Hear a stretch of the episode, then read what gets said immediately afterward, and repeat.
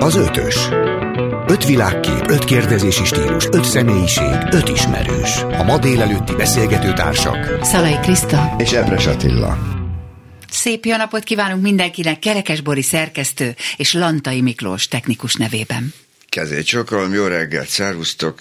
A családom története, illetve ennek és ennek életviteli, vagy pszichológiai, vagy, vagy esetleg nosztalgikus aspektusairól fogunk beszélgetni, és hogy mit jelent ez pontosan annak, aki benne él, vagy annak, aki ilyen érdekes történeteknek a tanulja. Azt fogjuk körbejárni, hogy ez a személyiségünket és, és az életünket, vagy a, a stílusunkat mondjuk így mennyiben befolyásolhatja vajon a felmenőink története, mennyire hat ez ránk, igen érdekes vendégeink lesznek ebben a témában. Itt lesz velünk Móricz Emese elsőként, aki a nagymamájáról, Móricz Zsigmond árvácskájáról fog majd mesélni többek között. Jön Bárdos, Bárdosi Péter családfakutató, de telefonon beszélgetünk Hatvani Helgával is, a Hatvani család utolsó Magyarországon nevelkedett leszármazottjával, aki a 90-es évek közepe óta már az Egyesült Államokban él. És jön hozzánk Vészics Andrea, Móra Ferenc dédunokája is, Sonkos Zsuzsanna pszichológus, családterapeuta pedig a család összetartó erejéről és a ránk gyakorolt hatásáról mesél. Atti, neked van, van olyan a családodban, ami, ami teher vagy felemelő? Hogyne. Az ősök sorsából? Az én őseim között is van ilyen, ami nekem nagyon fontos tök büszke vagyok rá öcsémmel együtt, hogy a dédapám amerikás volt, igazi kalandor, aki ott próbált szerencsét, amíg aztán a társával működtetett vaskereskedést bele nem fújt a, a tornádó a tengerbe. Mm és aztán hazajött, ahol a határon persze mindenhol miatt rögtön ellopták a magyar határon. Misternek becézték, de onnantól kezdve nem volt hajlandó dolgozni. Azt mondta, hogy ő már megtette a magáit.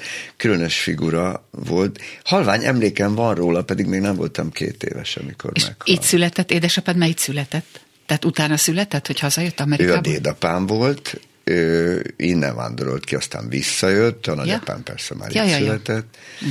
És aztán most az én családomban van egy grófi leszármazott, a feleségem fia, nevelt fiam, a Károly András Simon, aki egyszer tanulja voltam, épp az előbb meséltem, hogy bemutatkozott egy másik Károlynak Kőszegen, a csodálatos Károly Gyula bácsinak, aki ott a kerékpárkölcsönzős volt, és köszöntötték egymást, mint két grófi dédunokkal nagyon helyesek voltak. Andis nyolc évesen már úgy viselkedett, hogy illik ebben a témában. Uh-huh. Jó, hát szerintem akkor.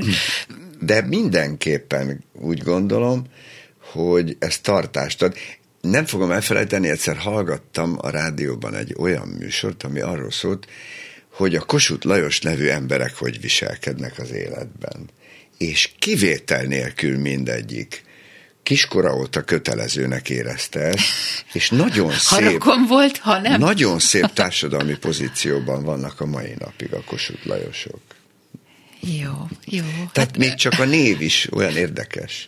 Jó, nekem csak egy nagy, nagyon egyszerű dolog van, hogy déd nagymamám a nagy példaképem, aki száz évig akart élni, és száz és fél évesen meg is halt pontosan. Neki, csodálatos. Igen, igen.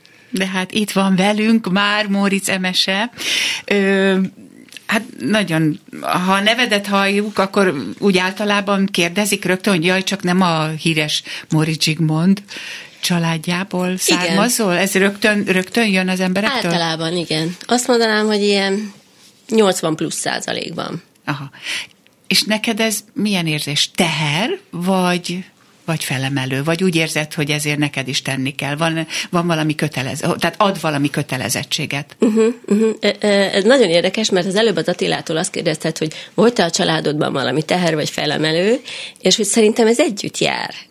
Tehát, hogy, hogy ami, ami a felemelő, az a terhe is. Mesélj nekünk picit pontosabban erről, hogy kik a te őseid, és hogy van ez? Na, ezt nagyon köszönöm ezt a kérdést. Ugye azt mondtad, hogy Móri Zsigmondnak az árvácskájáról fogok mesélni. Igen, és ugye Móri Zsigmond árvácskája az egyébként Csiben néven is Igen. elérhető az irodalomban, és ő utolsó, Móri Zsigmond utolsó szerelme. Úgyhogy ez egy ilyen modern Pigmalion történet. Ő volt Litkei Erzsébet. Litkei Erzsébet, Litkei Erzsébet, és hát ugye többféle legende van, talán a legismertebb az, hogy a Tisza hídon ott Szolnokon volt ugye Móri Zsigmond, és akkor látott egy lányt, aki bele akart ugrani a folyóba, és akkor elkezdtek beszélgetni, és akkor így jött ugye ez a nagy szerelem. Ez egy nagyon bátor tett volt egyébként Móri Zsigmondtól akkor. Ugye ez 1930 5-6-7 ugye az hát én édesapám. megítélés elég Társadalmi megítélés szempontjából, meg hát ő ugye házas volt akkor a második feleségével, uh-huh. Simonyi Mária színésznővel, és az első felesége, a Holics Janka, akkor már ugye öngyilkos lett előtte. Uh. Akkor lehet, hogy azért szólította meg, hogy nehogy öngyilkos legyen még valaki. Minden benne van Nem ebben tudjuk. a történetben, ha igaz. De hát már olyan régen volt ez a dolog, meg olyan sokan próbálták, és hogy miért akarták ezt nagyon sokan így csűrni, csavarni.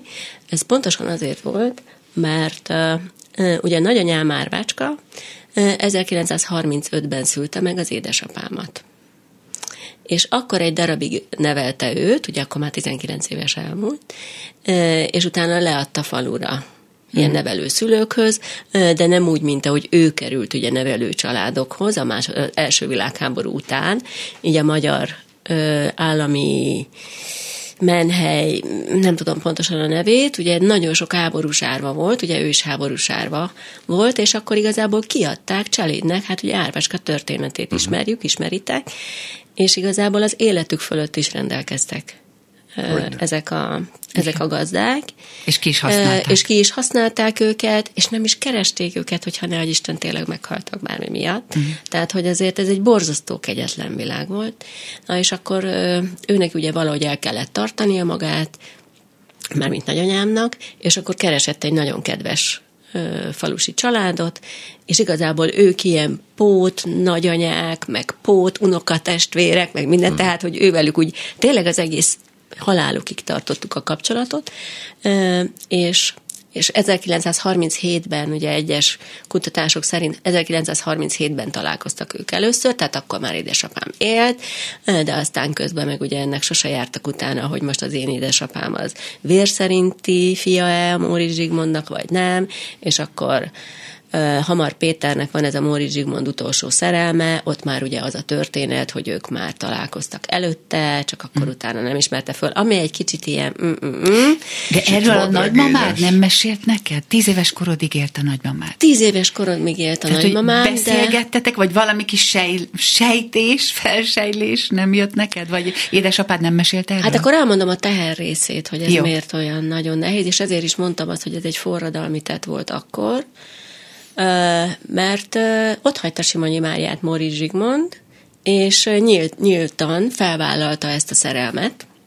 Leköltöztek Lányfalura, ott együtt művelték a birtokot, és a nagyanyám, azért mondtam, hogy ez egy ilyen pigmalion sztori, tehát, hogy akkor, amikor ők megismerkedtek, akkor épp, hogy tudott írni, olvasni, de egy-két éven belül már ő társszerkesztője volt a keletnépének, Móri Zsigmond halála után ő szerkesztette az újságot, a nyomdagépen egy csomó hamis papírt gyártott zsidóknak, hogy megmentse őket. És kapott is világigazadíjat. Igen, igen, a világigazadíjat megkapta. Sőt, az izraeli államtól. Bocsánat. Igen, igen, igen, gyakorlatilag ugye a kiadót is, meg könyvesboltja is volt. Uh-huh. Tehát szélsebesen elkezdett, szélsebesen elkezdett fejlődni. Egyébként ugye, mivel tudjátok, hogy ugye trauma integrálása, meg egyáltalán, hogy hogy hatnak ránk a traumák, azzal ö, foglalkozom, így a munkám során, ö, és a gyerekkori traumáknál is, hogyha csak egy ember van, akihez érzelmileg tud kötődni, az a gyerek, és megkapja azt a feltétel nélküli szeretetet, hogy úgy vagy jó, ahogy vagy, az már elég. Úgyhogy ez egy ilyen csodálatos történet ebbe. Kívülről ugye nem igazán erre volt fogékony idáig szerintem így a közvélemény. Na, és akkor a teher része pedig az volt, hogy minket azért a Moritz, Moritz, Morici elős, első házasságából született gyermekeknek a, a teljes ága azért olyan nagyon nem fogadott el. Tehát én gyerekként én azt éltem meg, hogy egyrészt van egy, egy ilyen nimbus, akivel én soha személyesen nem találkoztam.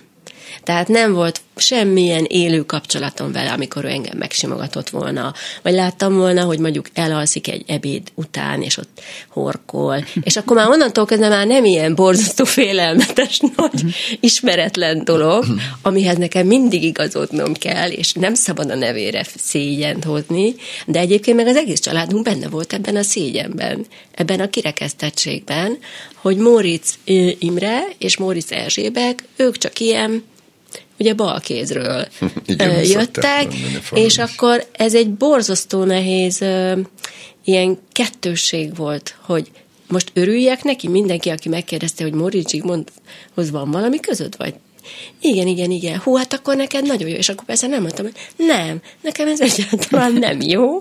Én ez nekem nagyon-nagyon sok szenvedéssel jár.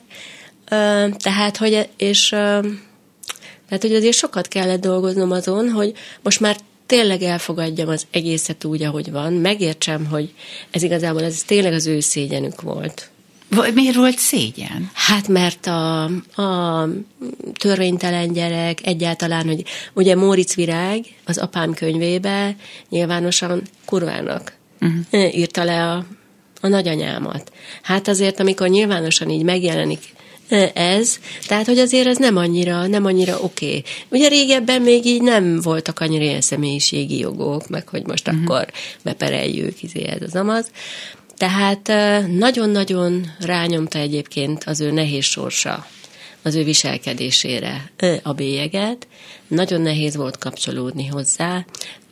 Ő is ilyen ilyen teljesen ambivalens viselkedésű volt. Tehát például vannak olyan emlékeim róla, hogy elmentünk Egerbe apujékkal, meg a testvéreimmel, és hoztunk egy demizson vörös bort, és hazajöttünk késő este, és látta, hogy ott a demizson vörös bort, fölkapta, és elkezdett táncolni vele, és akkor tényleg ilyen, úristen, milyen kis cool nagymama, ugye?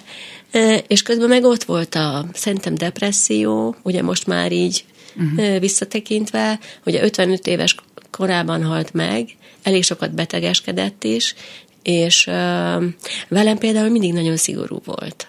Túlságosan is szigorú.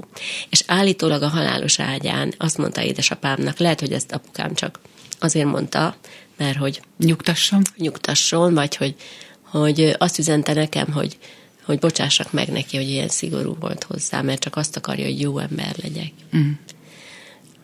Ja, tehát, hogy azért nem volt, nem volt ez egy ilyen könnyű történet. Most olyan korszakról beszélgettünk, ahol a mi szüleink, meg a nagyszüleink éltek, és én is tudom az én családom történetéből, illetve a nagymamám meséiből, hogy ez mennyire nehéz világ volt. Tehát most azt mondjuk, hogy bántalmazó kapcsolat, akkor meg volt egy, egy rettenetesen, súlyosan szegény helyzet, ahol ha a gyerek mondjuk úgy, hogy makrancos volt, vagy egyáltalán nem akart semmit csinálni, és az apja szíjjal elverte, akkor az nem egy szadista cselekedet volt, hanem a megélhetés nehézségei között egy, egy borzalmas, nehéz élet. Tehát most azért más világban élünk, most nem kell a mindennapi kenyérért kimenni a szántóföldre. És biztos, hogy az akkori személyiségek, ami a retteneteket éltek át, nem jártak pszichológushoz, és nem, nem volt nekik családterapeutájuk. Nagyon más világ volt az akkor. Így Tehát, hogyha van. valaki ott terheket hordozott, azzal egyedül kellett neki birkózni. Igen, Amikor... és az egész környezet igen. is ilyen volt, és hogyha nincsen alternatíva, uh-huh. akkor igazából ez a normális.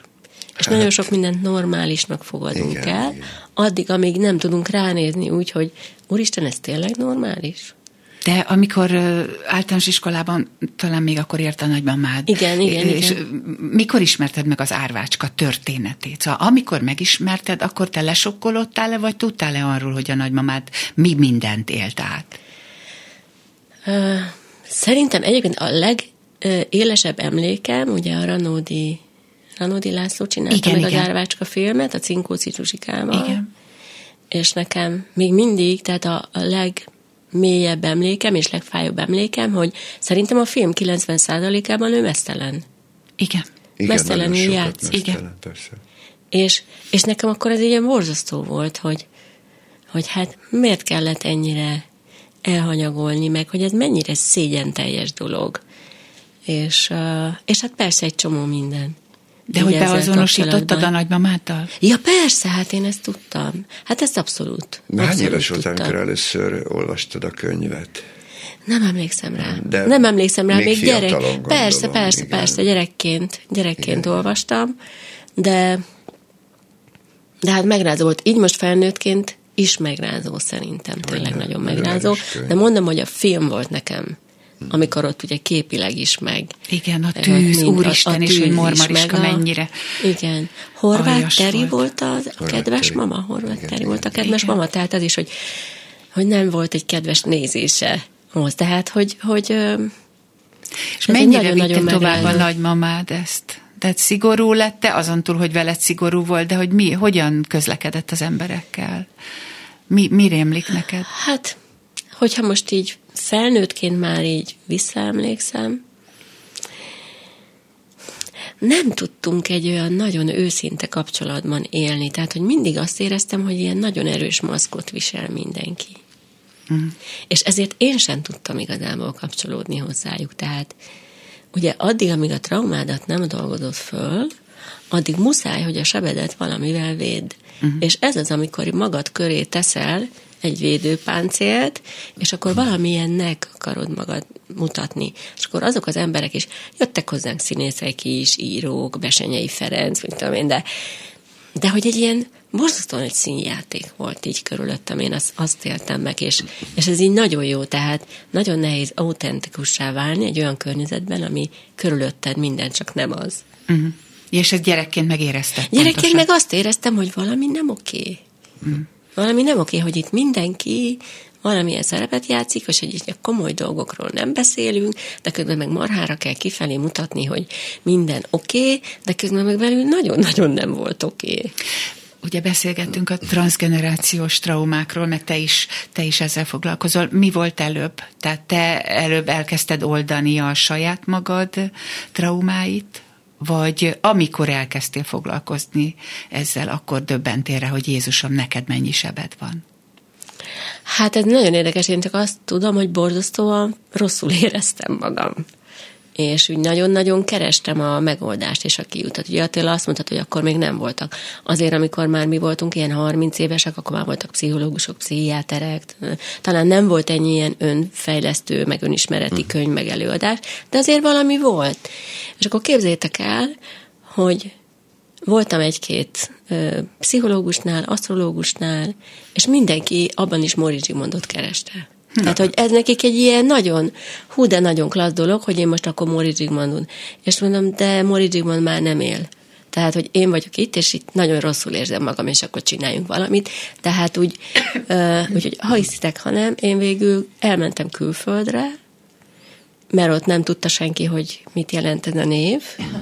és akkor ott végre tényleg megkaptam azt, ahogy, ahogy ebből a traumahegyből, és ez nem csak ugye Árvácska, hanem a másik nő, tehát anyukám révén is, ők is ugye második világháború után Kolozsvárból, Kolozsvárról indult el a nagyanyám négy gyerekkel, ott hagytak mindent, a nagyapám hadifogságba került, tehát mind a két oldalról megörököltem azt, hogy a női élet borzasztó nehéz, a, a női élet az nem szólhat arról, hogy mi boldogok vagyunk, Hát most, most tudok erről így beszélni, de amikor benne voltam, akkor nem, akkor csak azt éreztem, hogy, hogy én minden helyen próbálok helytállni, mert ugye azért ez a teljesítménykényszer és teljesítményszorongás, ez abszolút a Mórici vonal, és én nagyon nem vagyok jól a bőrömben. És amikor már ugye a terápián vége felé jártunk, akkor egy-két rövid videót az Árvácska filmből a YouTube-ra föltettek, és akkor elküldtem a terapeutámnak, hogy na, az a nagyanyám. Mm. Pont amikor ugye parazsat Aha, tették igen, a kezébe. az, az, ah. De hogy ne csak az árnyoldalairól beszélünk ennek, biztos igen, vagyok igen. benne, hogy mégiscsak az emberben szül valami magatartásformát, vagy büszkeséget, vagy vagy egy, egy másféle tartást az, hogy neki igenis van egy híres felmenője, vagy vélhetően van egy olyan, olyan fákja, aki nagyon sok embernek példakép. Hát Mori Zsigmond ma is a magyar irodalom egyik origója. Így van, Hogy azért így van. ez nagyon komoly muníció mégiscsak, nem csak annak, mondjuk neked is, aki ilyen ö, születés részese vagy, hanem tulajdonképpen mindenkinek, aki büszke lehet egy ősére. Ugye azért ez egy motor. Mindenképpen. Csak mondom, hogy ezt kellett magamban kitisztáznom, uh-huh. hogy ez egy borzaszt, ez egy nagyon nagy, ugyanis a szégyen az az egyik leg destruktívabb, belülről maró érzés. Uh-huh. És amíg én ezt a szégyent ki nem tudtam magamba dolgozni, hogy ez a múlt, igen, ez a, tehát, hogy azért ez egy hosszú folyamat, azért nem is akarok most belemenni, hogy így két perc alatt elmagyarázzam, és innentől kezdve már tényleg az van, amit te mondasz, hogy igen, nekem azért mégiscsak, uh-huh. akár vér szerinti, akár nem, Mori Zsigmond örökbe fogadta Árvácskát is, meg, a, meg az a apukámat is, tehát a nevére vette őket, hogy és hát azt is mondta, hogy a gyerek azé, aki felneveli. Ez Ezt ugye te is ugye gondolom hogy tanúsíthatod, hogy azt mondod, hogy a nevelt fiad, de de szívvel, lélekkel, hogy ez ugyanolyan, hogyha jól működik. És, és most már tényleg ez van. is foglalkoztál kicsit ebben az ügyben, vagy nem néztél utána a felmenőknek? Hát ugye Móri Zsigmondról nagyon sok mindent meg lehet tudni, tehát egész, nem tudom én, az ő apját, nagyapját, meg hogy melyik családból Nem úgy értem, hanem származik a, másik ágon, a, a, a volt feleségei. A volt feleségei. Nem, megmondom őszintén, hogy nem. Ez úgy nem érdekelt. Nem. Nem, ez nekem bőven elég volt. köszönöm szépen, ez így, most így jó vagyok, kösz, jól vagyok, hogyha már így stílusosan, ugye hát ötös. olyan fajta rokonság nincs, vagy a, a te lelkedben, vagy a te gondolataidban, hogy akkor a másik Móricz rokonokkal is neked. De érdekes módon most már jól vagyunk. Uh-huh. Tehát azért ugye én Kolos Réka, ugye Kolos Réka volt ugye a Móricz Virág a, a, vagy Kolos Rihárd volt talán a férje. Tehát, hogy azért most már így, de nem járunk össze, uh-huh. de azért most már nincs olyan, hogy ön, ó. Tehát van ugye a Simoné, Simon vonalők Franciaországban élnek.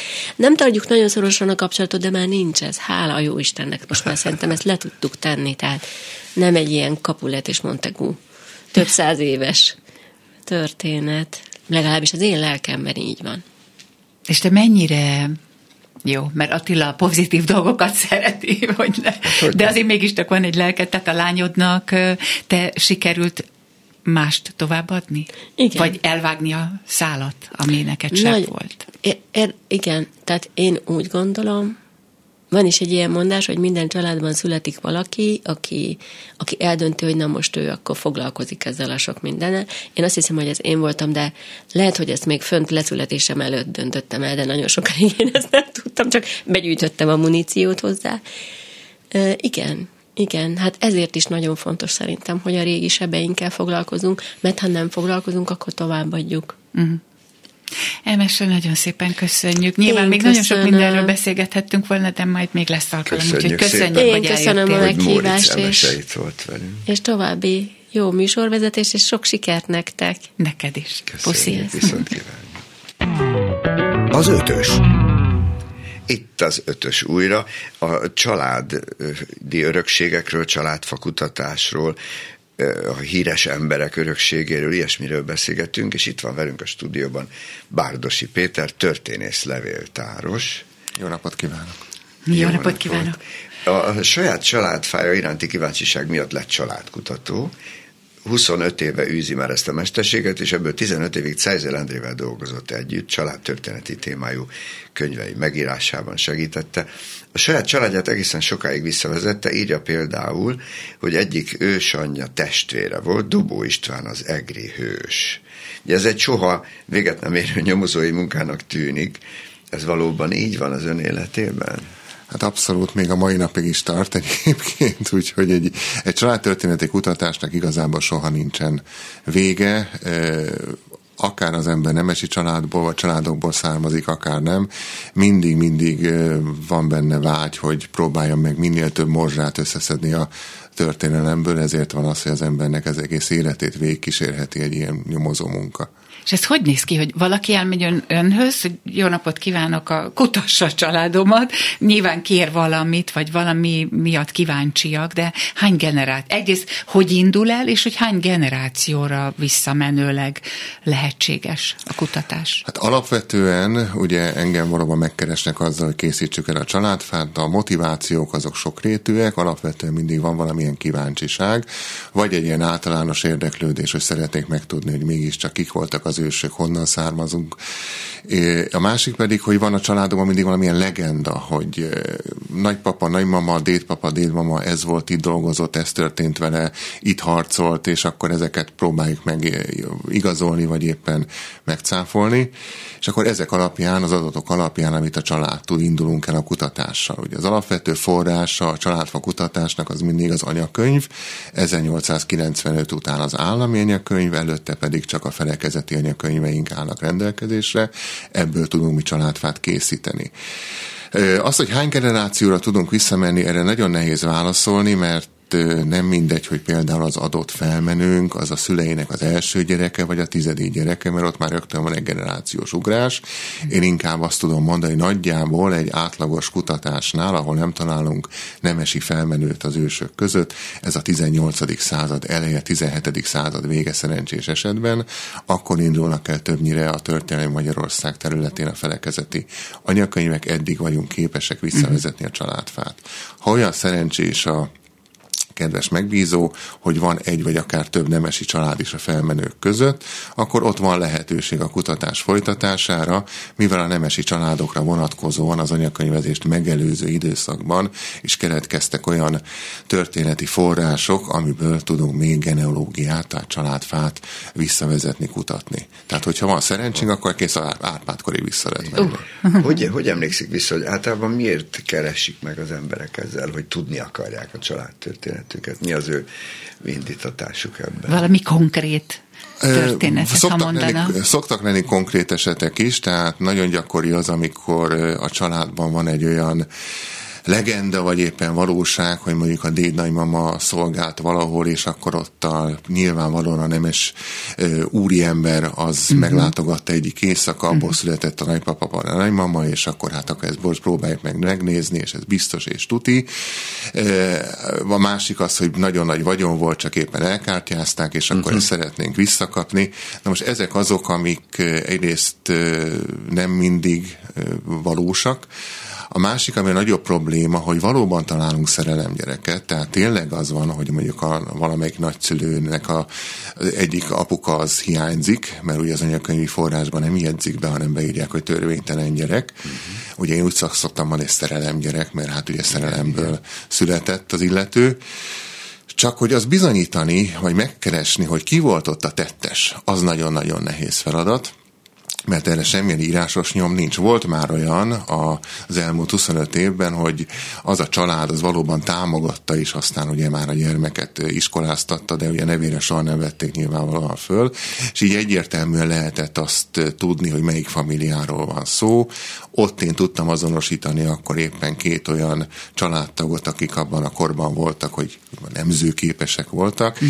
tehát akkor lehetett azt a apai ágat tovább vinni, és mondjuk így lett a kedves és megbízom, Rínyi leszármazott, mert az a nemesi család egészen a, addig ment vissza, hogy az Rínyi családba is be lehetett őket kötni. Tehát vannak ilyen érdekes történetek.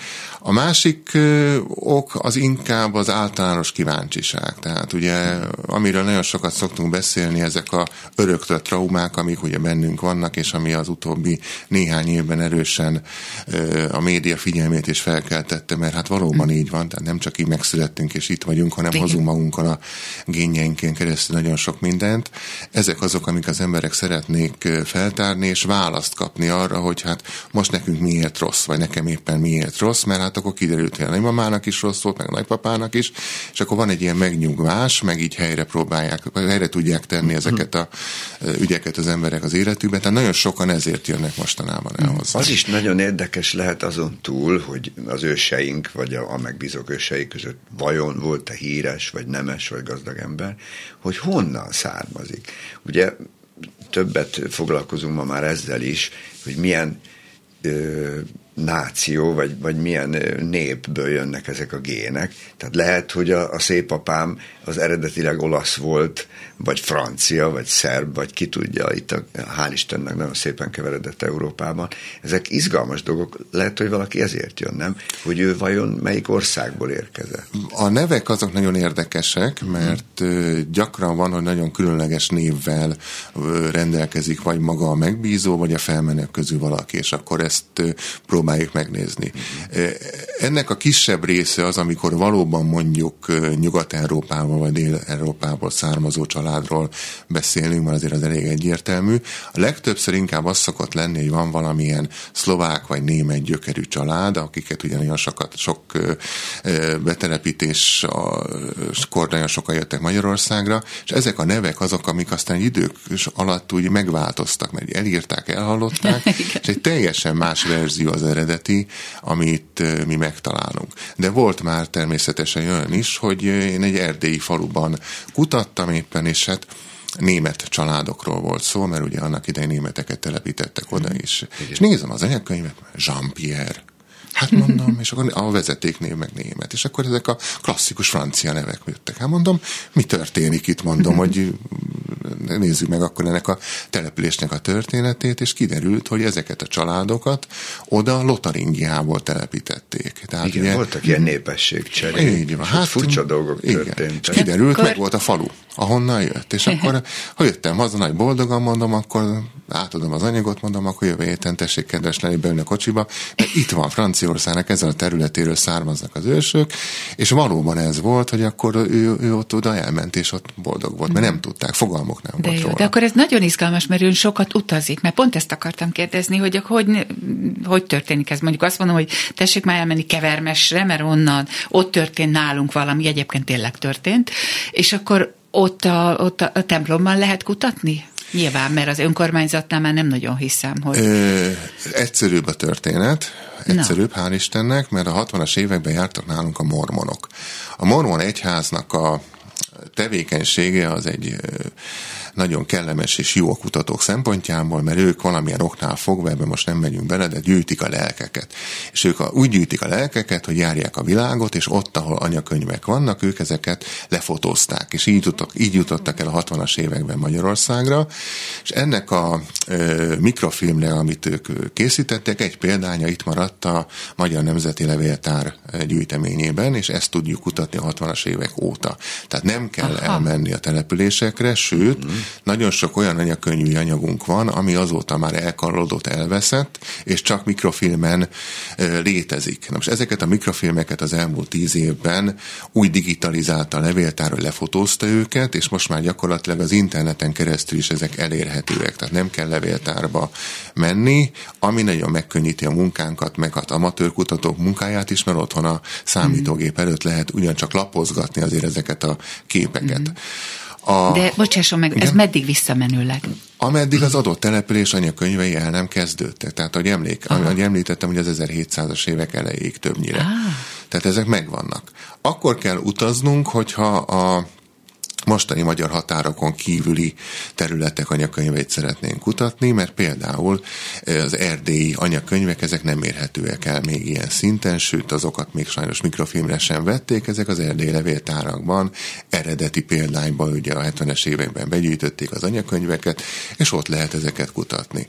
Felvidék esetében is egyrészt a levéltárban van, egyrészt elérhető, tehát hogy különböző módon lehet ezekhez hozzájutni, tehát járutazással természetesen. Én elég sokat az elmúlt 25 évben jöttem, mentem, de most már hál' Istennek, ahogy említettem, ugye kevesebbet kell emiatt a internetes elérés miatt. Esetleg emlékszik olyan esetre, amikor ez valamilyen módon megdöbbenést, vagy fordulatot, vagy traumát okozott annak, aki a megbízója volt? Hát több ilyen történet is van, hmm. mert amikor kiderül mondjuk, hogy az egyik felmenő az egy gyilkos volt. Hmm. Oh mert a kocsmába összeverekedett valakivel, aztán a nagy felindulásba leszúrta. És ez bebizonyosodott. És ez bebizonyosodott, sőt újságcikkeket is találtunk róla, mert most már olyan nagyon sok újságcikk elérhető, szintén digitalizálva, és könnyebb keresni, vagy éppen gyilkosság áldozata lett. Ilyen is nagyon sok van. Meg ami igazán traumát szokott okozni, amikor nem tudnak róla, hogy vannak felmenők között egy vagy több öngyilkos és azt kinyomozni, hogy ennek mi lehetett az oka. És mondjuk van, amikor látjuk azt, hogy a meghal a feleség, és nem tudja feldolgozni a traumát, és fölakasztja magát a bácsi, ilyen 70 pluszosan. Tehát De gondolom voltak itt nagy meglepetések is. Hát, Azokról van ilyen érdekesebb emlék? Amikor kiderül mondjuk, hogy akit ők nagymamának hittek, nem az volt a nagymama, hanem a nagymamának a testvére volt az eredeti szülő, mert a nagymama testvére olyan élethelyzetbe került, hogy nem tudta fölnevelni a gyermeket, és a nagymama testvére vállalta. És ez titokban volt. És ez titokban volt. És addig, amíg mi megnéztük az anyakönyvet, addig ez titokban volt. És akkor én először azt hittem, hogy valami tévedés van, mert ugye a vezetéknév ugyanaz, csak a keresztnév név más. És nem. És kiderült, hogy hát bizony. És akkor ilyenkor nagyon érdekes azt a reakciót látni, amikor a megbízó így hát megvilágosul, úgymond, mert tehát mindig azt mondják az ilyen eseteknél, hogy valamit éreztek, hogy mhm. valami volt, hogy valamit ott, ott próbáltak takargatni, valami nem volt uh-huh. egyértelmű, beszélgetéseknél ilyenkor elhallgattak, és akkor na ez volt a nagy titok. Uh-huh. És akkor így érdekes ezt így látni, meg olyan esetek, amikor örökbefogadás van. Uh-huh. Ugye azt az örökbefogadás az egy nagyon speciális helyzet, vagy eset, mert a háború utáni időszaktól kezdődően csak zárt örökbefogadás van, ami azt jelenti, nem hogy so, nem, le, nem lehet, tehát semmit nem Igen. lehet tudni. A, azt megelőző időszakban lehetett választani, hogy akkor most megtudják, meg megtudhatják a leszármazottak, vagy nem. Na most az anyakönyvi forrásban ezek többnyire ugye oda vannak írva, hogy kik fogadják örökbe a gyermeket, és a nevükre veszik. Na most, hogyha valaki új nő föl, mert hát ugye az volt, hogy két vagy három generáció születik, hogy nem tudja azt, hogy neki nem is ez az eredeti neve, és nem is ezek az eredeti szülei, azért az egy traumát jelenthet és akkor nézzük meg, kik azok az emberek, akik idáig, tehát vadidegen emberek kvázi, de mégiscsak vér szerint tőlük származnak. Most ilyenkor el lehet dönteni, mert volt ilyen is, hogy akkor mondjuk a kutatást azt a vér szerinti szülők vonalán csináljuk tovább, Aha. vagy az örökbefogadó szülők vonalán igen, csináljuk igen, tovább. Igen. És akkor volt, aki azt mondta, hogy ő, neki hát hiába nem azok a vér szerinti szülei, de érzelmileg ahhoz a családhoz kötődik, őt az érdekli, még annak ellenére, hogy gyakorlatilag genetikailag semmi köze nincsen hozzá. Ad abszurdum még az a kérdés is fölmerülhet, hogy tovább menjünk, akarod tudni? Igen, igen, igen. Ugye? Ilyen is van egyébként. Mondjuk erre már az adatvédelmi korlátozások gondolnak, meg az uh-huh. etikai kódexek is gondolnak, hogy hát mi van akkor, hogyha mondjuk megtaláljuk azt, hogy tényleg örökbe lett valaki fogadva, és akkor hát, hogy keressük meg a leszármazottakat. Én ezt soha nem vállalom. Uh-huh. Egyrészt azért nem mondom, adatvédelmi korlátozások uh-huh. ezt nem is engedik, de ha nagyon extrém névről van szó, meg nagyon exakt a település, és mondjuk nem Budapestről beszélünk, hanem egy kis faluról, akkor azért némi logikával, meg némi érdeklődésre ezt ki lehet nyomozni. De most itt a kérdés az az, hogy mi van akkor, hogyha valaki becsönget, hogy hát én vagyok, mit tudom én, a te unokád, vagy a, akárki család, és akkor ott azért van egy család, aki már él 40-50 éve, hogy ez azért nem egy egyszerű kérdés. Az problémás. Az problémás, ez mindenkinek az, igen. És igen. amikor kiderült például, a nagy, hogy a nagymama nevelte fel a testvére helyet, ott még tudtak tisztázni, még tudtak beszélgetni, vagy meghalt, már meghaltak? Már mindenki, akkor? mindenki meghalt. Ez a másik egyébként, amikor sokan észbe kapnak, hogy semmit nem tudnak a családról, amikor mondjuk meghalnak a nagyszülők, és elmennek a lakást, ugye összeszedik a, a holmikat, próbálnak selejtezni, és akkor egy csomó papír előkerül. Mm. És hát olyan nevek vannak rajta, hogy hát fogalmuk nincs, hogy ki ez hát nézzük meg. Meg hát ugye ilyenkor szokott érzékeny információként előkerülni az, hogy az a felekezet, amiről benők felnőttek, hát ott bejön egy másik felekezet is, és akkor te jó ég, mi történt itt, meg névváltoztatás. És akkor olyankor hát nézzük meg, hogy mi a, az eredeti verzió. Mert sajnos azt tudjuk, hogy a történelmünk során nem mindig volt éppen hát publikus azt, hogy ki honnan, uh-huh. melyik, melyik templomba jár. Uh-huh. Most már csak egy percünk van, de azt még mindenképpen muszáj megkérdeznem, hogy egy picit azért hatott önre, amikor megtudta, hogy Dobó István valamelyik leszármazottja? Hatott nyilvánvalóan, mert nagyon sok ismert nemesi család van a felmenők között. Uh-huh. Ilyenkor én azt szoktam mondani másoknak is, amikor föltárunk ilyen jellegű családfákat, mert azért nem vagyok ezzel egyedül, hál' Istennek, hogy azért a származás azt az tartást kell, hogy adjon, tehát az ősöknek uh-huh. büszkének, ősökre büszkéknek kell lennünk, de az, az azért mégiscsak azt számít, hogy mi kik vagyunk. Persze, természetesen. Nagyon köszönöm, hogy ezt mondta, de nagyon izgalmas dolog, és köszönjük szépen, hogy megtudtunk egy csomó érdekességet erről a kutatásról. Köszönöm a lehetőséget. Igen, és ha legalább azt gondoljuk, hogy hála, hogy megszülethettünk általuk, akkor az már, egy, az már egészségesség. Köszönjük szépen Bárdosi Péternek. Köszönjük. Köszönöm. Az ötös. 60 Helga van a vonalban, az Egyesült Államokból a híres Deutsch 60 család leszármazottja, és nagyon hálásak vagyunk, hogy, hogy megvárt minket, és nem feküdt le. Köszönjük. A mai műsorban a, a család és a családfa a témánk, illetve hogy hogy hat ránk az őseink története, vagy legalábbis mennyire érdekel, vagy mennyire foglalkozunk vele. Ugye nagyon sokan tudják Magyarországon, hogy ki volt a 60 család. Egy picit helyre tudja tenni nekünk, hogy ön melyik ág? Igen, szóval ezt nyilván sokkal egyszerűbb vizuális segítséggel, egy családfával, de hát így rádióban egy kicsit nehezebb, de azért megpróbálom. Um, tehát um, tulajdonképpen két nagyobb ág volt a családban. Uh, 60 Lajos az, aki a legismertebb Magyarországon mai napig is, úgyhogy ha őt vesszük viszonyítási pontnak, akkor ezt úgy tudnám elmagyarázni, hogy 60 idai Sándor és József a család hatalmas ipari birodalmának talán legjelentősebb alapítói, elsőfokú unokatestvérek voltak. Uh-huh. Mindketten a 19. század közepén születtek, és ugyanabban az évben, 1913-ban haltak meg. Sándornak volt három gyereke, Lajos, Ferenc és Irén, míg Józsefnek volt négy, Lili, Endre, Antónia és nagyapám Bertalan. Uh-huh. Tehát ön a másik. Tehát Lajos, igen, tehát Lajos és a nagyapám Bertalan legközelebbi közös felmenője az ő nagyapjuk, Dajcs Ignác volt, aki az én, azt hiszem úgy mondják, szép apám. Milyen egy ilyen családban felnőni? Tehát ez így egy kicsit, kicsit, kicsit bonyolultnak tűnik, de mondom, hogy ha az ember előtt van egy családfa, akkor sokkal de könnyebb. Nem baj, mert azt meg megértjük, hogy ez egy nagyon, nagyon nívós, és a, a, amúgy meg anyagilag is, és gondolom, hogy szellemileg is egy nagyon magas szinten élő család volt. Hogy önöknek gyerekkorukban ezt, ezt hogy, hogy lehetett megélni? Vagy, vagy erről gyerekkorukban beszélgettek? Tudták, hogy milyen családba születtek bele? Um,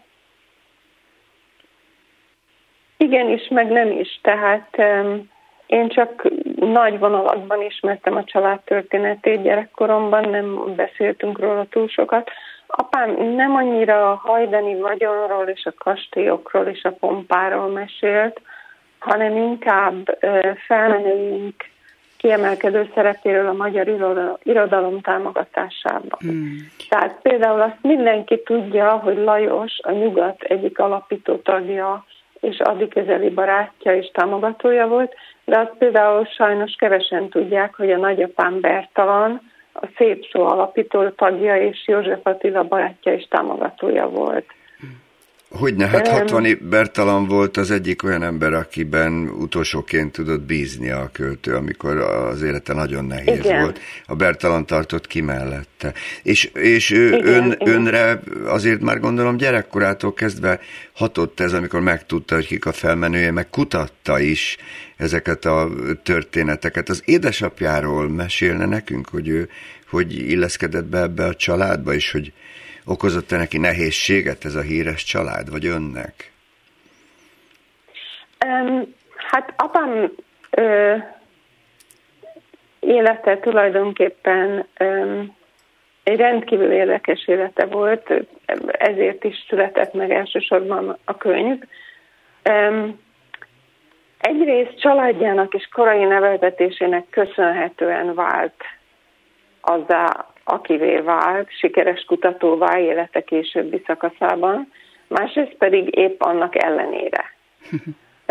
A család vagyona és háttere nélkül nyilván nem járhatott volna angliai bentlakásos iskolába, nem tanulhatott volna Cambridge-ben, az egyetemen a háború alatt, de viszont később politikai okokból szakított felmenőivel, és óriási akadályok leküzdése árán teljesen örelőből vált nemzetközileg ismert és elismert számítógépes szakemberré. Tehát egy ilyen kettősség jellemző rá, nagyon sok ellentmondás. Ő, ő neki voltak találmánya is, ugye? Mi volt az, ami megalapozta az ő hírnevét? Mir, miről igazán nevezetes a számítógépes világban az ön édesapja? Igen, hát ő a, a, a számítógépes tervezés és gyártás, a számítógépes szerszámgép vezérlés Azaz. egyik úttörője volt. Még az 50-es évek végén kollégáival dolgoztak ki az, az első lépéseket ez irányban, és, és a 60-as évek elejétől úttörő szerepet töltött be ebben, a, ebben az árban, és később nemzetközileg elismert szakemberré vált. Tehát ezek akkor egészen vadonatúj technológiák voltak világszerte, nem csak Magyarországon. Azt mondják, hogy és a család... aztán később, később a mesterséges intelligenciába is oh. belekóstolt egy kicsit. Igen, ezért is kérdeztem, mert most ez ugye nagy divat, hogy erről elkezdtünk sokat beszélni, sőt, tehát a chatbotokkal most már írunk nem csak programokat, hanem akár színdarabokat is, és nagy vita van ebből. De ugye ő, ön, illetve az édesapja volt az utolsó a családból, aki még Magyarországon élt és nevelkedett. Hát én voltam az utolsó, Így aki van. még Magyarországon élt és neve, igen, igen. És önnek... Tudomásom szerint azt mondják, hogy ugye visszük tovább az őseink terheit, mert azért, ahogy elmondta édesapjának, volt, bár ugyan nagyon pozitívan jött ki ebből a teherből, de hogy ön, ön mit érez, hogy ön, önre mennyire nehezedett rá a, a ilyen értelemben családi teher, ugye a politikai viszonyok miatt? Um, nem volt belőle se előnyöm, se hátrányom. Én tulajdonképpen, hát én egy olyan rendszerben nőttem föl, ugye, ahol az volt a, a, az irányvonal, hogy minél jobban éveszkedjünk be a közösségbe, és ne logjunk ki a sorból, és én ezt nagyon igyekeztem követni, és többnyire sikerült is. Nekem az egyetlen egy dolog, ami, amiben kilógtam a sorból, hogy um, uh, nagyapám Párizsban élt, nagyanyám pedig Rómában, Úgyhogy hát még a többiek a vállalati, igen, még a többiek a vállalati üdülökben nyaraltak, vagy a falusi nagymamákhoz jártak, addig én Párizsban, meg Rómában, ötcsillagos szállodákban, és nagyon luxus körülmények között töltöttem a nyári szünidőket. Úgyhogy ezekkel, ezekről nem is nagyon szerettem beszélni az iskolában, mert, mert nagyon féltem, hogy esetleg nem veszik jó néven, vagy... Vagy, hát, vagy irigyek is a gyerekek ilyenkor, irigy, a felnőttek is. fognak, de, de, de nem származott belőle semmi különöset, csak én ezt úgy igyekeztem nem túlságosan hangoztatni. De, de amúgy, amúgy nem volt semmi más különbség. Én, én a, a, a családom irodalmi kulturális hozzájárulásához vagy arra nagyon büszke voltam mindig, de úgy egyébként a, a vagyoni hátteret, vagy ilyesmit nem nagyon ö, említettem, de nem is volt ez téma otthon. Ugye nemrég járt Magyarországon, és a, a családi helyszínek közül több helyen. Arra volnék kíváncsi, hogy milyen érzés volt, hogy hogy újra itt van, és hogy mit lát, hogy itt mi van. Jobb talán most, hogy nem Magyarországon él, vagy azért erős volt a nosztalgia? Hogy érezte, amikor itt járt? Nem, nem éreztem különösebb nosztalgiát, megmondom őszintén. Ugyanakkor olyan hatalmas változásokat sem vettem észre, mióta utoljára otthon voltam, pedig 13 éve volt az mm. már. Um, igazából sokan kérdezték, hogy amikor végigjártam ezeket a uh, családhoz köthető helyszíneket, uh, akkor volt-e bennem valamiféle szomorúság, vagy hiányérzet, vagy ilyesmi, és nem volt egyáltalán, inkább érdekesnek találtam ezeket a dolgokat, hanem én nem, megpróbálok nem arra koncentrálni, hogy mi eszett el, hanem arra, hogy mi maradt fent, és mi az, ami tovább él. Uh-huh. Tehát, ahogy én a könyvem végén is hangsúlyozom, szerintem fontosabb hagyatékunk az, hogy miként befolyásoljuk, vagy alakítjuk mások életét, mint az, hogy milyen tárgyi vagy anyagi örökséget hagyunk magunk után. Mm, gyönyörű. De az ugye az önéletében is, ezek szerint, ahogy hallom, érezhető, hogy az emberek mégis valami támaszt, vagy, vagy erőt, vagy a, vagy a múltból jövő büszkeséget, vagy tartást ad, hogy milyen családból származik. Igen, igen, természetesen. És ez, ez tulajdonképpen megerősödött annak során, hogy nagyon sok kutatómunkát végeztem, tehát megpróbáltam feltárni olyan részleteket a család történetéből, amit korábban nem tudtam, és ez csak megerősített abban, hogy, hogy nagyobb tiszteletet érzek az őseim iránt, azokért a dolgokért, azokért a döntésekért, vagy tettekért, ahogy mások életét befolyásolták, rövid vagy hosszú távon, közvetlenül vagy közvetve. Illetve segítették. Mint ahogy például említettem Lajost és Bertalant, ahogy a magyar irodalomhoz hozzájárultak, vagy, vagy ö, ö, például ö, Antonia és Lili, ahogy új életet kezdtek Amerikában, és új karriert, vagy például Lili lánya, Mariella, aki ö, óriási tiszteletet és szeretetet, óriási tisztelet és szeretet övezte egy penszilvániai középiskolában, ahol művészettörténetet tanított, amire nem is volt hivatalos képzettsége. Tehát, tehát ő, ők valahogy mind továbbadtak valamiféle tudást, vagy gondolkodást, vagy eszmét, vagy segítettek másokon így vagy úgy és ez, ez én nagyon inspirálónak tartom. Igen, és mindannyiunk számára bebizonyosodik ilyen történetekben is, hogy mennyire fontos a család, illetve annak értékelése. Köszönjük szépen Hatvani Helgának Amerikából. Kedves Helga, nagyon köszönjük, és jó éjszakát! Szép Köszönöm szépen a lehetőséget. Köszönjük. Köszönjük. Az ötös.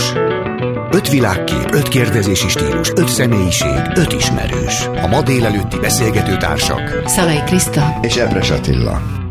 És nagyon sok szeretettel köszöntjük a netán most bekapcsolódókat családtörténetről beszélgettünk idáig, és hát rendesen kattog az agyam, mert nálunk is volt egy ilyen történet Bárdosi Péterre kapcsolódva, aki családfakutató. Hát Két évvel ezelőtt derült ki, hogy az unokatesónk az nem is az unokatesónk, mert a nagymamánk már terhesen ment hozzá a nagypapámhoz. És ez és nagyon... Ez titok volt sokáig akkor? Nem beszéltek róla, és nagyon... Tehát az unokatesom ott állt 62 évesen identitászavarban, hogy ja, most hogy akkor... olyan sokáig. Hát olyan sokáig. Képzeld el, hogy akkor gyakorlatilag az ő nagypapája az, az egy jegyző volt, tehát most így fel is kaptam a fejem, hogy akkor utána nézzünk, mert ő aztán ezt elengedte, azt mondta, hogy oké, okay, mi mondtuk, hogy mi nagyon szeretjük, teljesen mindegy, hogy fél vagy nem, egyáltalán nem unokatesó, tök mindegy. Szeretjük egymást, és kész. Képzeld, de nekem van egy ilyen mániám, vagy mim, egy őrületem, hogyha bekerülök egy társaságból, elkezdjük egymást megismerni, és valaki elkezd erről beszélgetni, hogy igen, mert a régen, meg az így, mondja, figyelj, fel tudod sorolni a nagyszüleidet? Ö, nem mindenkinek sikerül egyből. A nagyszüleit? A pontos családi neveket. Oh. És a dédszülőket, az már még nehezebb. Igen. De nagyon érdekes nevek hangzanak el. Tehát írtó divatos manapság ugye arról beszélgetni, hogy a génjeinkben mit hordozunk. De biztos, hogy van benne csomó meghatározó dolog, hogyha te, mint például az én egyik nagyszülőmet Eredicsnek hívták, akkor az hozott magával valami szerb vért. Igen, Vagy esetleg ilyen. még zenész vér is volt benne. Most elkezdett engem is izgatni, hogy lehet, hogy komolyabban utána kéne nézni ennek. De nem csak ezt hurcoljuk magunkkal, hanem a büszkeséget is azért menő lehet, hogyha valaki a Dobó Istvánnak a leszármazottja. Igen, mint Bárdosi Csak másképp Péter. érzi Igen. magát. Igen, de nekem az is nagyon jó, hogy, hogy az uno, egy másik ágon, meg az unokatesók kikutatták a családot, és ott, ott például jöttek olaszok. Uh-huh. és, és én ezt nagyon érzem magamban, meg amit mondtam, hogy, tehát az olasz temperamentum, tehát ez van, az abszolút, vagy a, a dédnagymamám, akiről beszéltem, ő nekem abszolút példaképem, két világháborút végigcsinált, Trianonnál átjött Igen. Magyarországra négy vagy öt gyerekkel, egy szatyorral, mindent ott hagyott, Igen. és ő elképesztő küzdő volt, úgyhogy szerintem, ha, tehát ő nekem egy pozitív, és hogy iszonyat nagy példaképem, hogy mi mindent csinált végig.